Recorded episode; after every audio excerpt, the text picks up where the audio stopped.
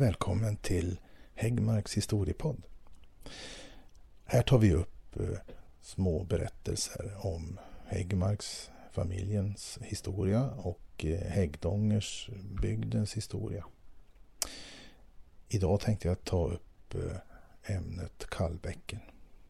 Kallbäcken var en liten bäckfåra som rann från Häggsjön ut till eh, gränsen till Medelpad.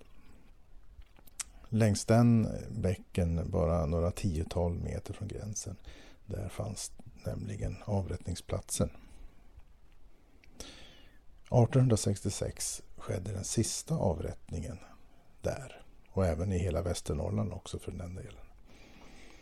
Eftersom eh, familjen Häggmark tillhörde de här släkterna som var gamla och eh, väl ansedda så var det alltid så att man skulle delta i spjutgården.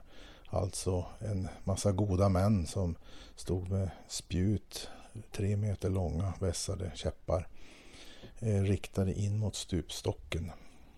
Det var ju för att eh, fångarna inte skulle kunna fly. Eh, I alla fall eh, 1866 då eh, så var det dags för avrättning. Och det var ett eh, morddrama som hade utspelat sig. Där eh, en, eh, en make ville bli av med sin eh, fru. Han hade en älskarinna. Eh, och eh, hon eh, ville att ett par drängar skulle utföra det här dådet åt dem. Eh, kronobåtsmannen Boväng han hade en bössa. Och den eh, bössan eh, användes vid mordet. Eh, och han erkände att han laddade geväret åt sin gode vän Petter Hedin från Stavre i Ljustorp. Han var ju född 1835 och eh, var den som skulle genomföra mordet. Kumpanen Hedin han var den sista då, alltså i Västernorrland, som skulle avrättas den 14 februari 1866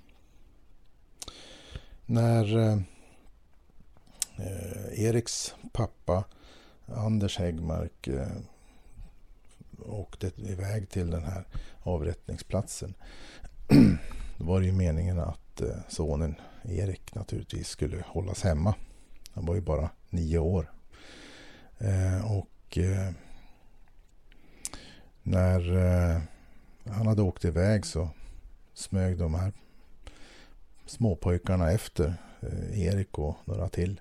Och eh, de smög sig upp bakom eh, själva avrättningsplatsen och där var det stora granar med grenar som de kunde klättra upp på. Eh, när eh, han senare berättar om, om den här händelsen för min far eh, Alf Häggmark så då berättar han att det var väldigt spännande att sitta där på grenarna och och titta på allt folket. Och det var ett sorl bland publiken för det var ganska mycket folk som var där. När de ledde in den här Petter Hedin så eh, höjde han inte blicken. Han bara tittade ner i backen och gick in. Och, och sen eh, så lästes domen upp och eh, han fick tvingas ner till stupstocken. Och allt var ju precis som vanligt tyckte de att det, det såg inte så konstigt ut. Vi förstod ju att det skulle ske så där. Men sen när yxan föll, då ramlade de ner från träden alla pojkarna. För då svimmar de nämligen.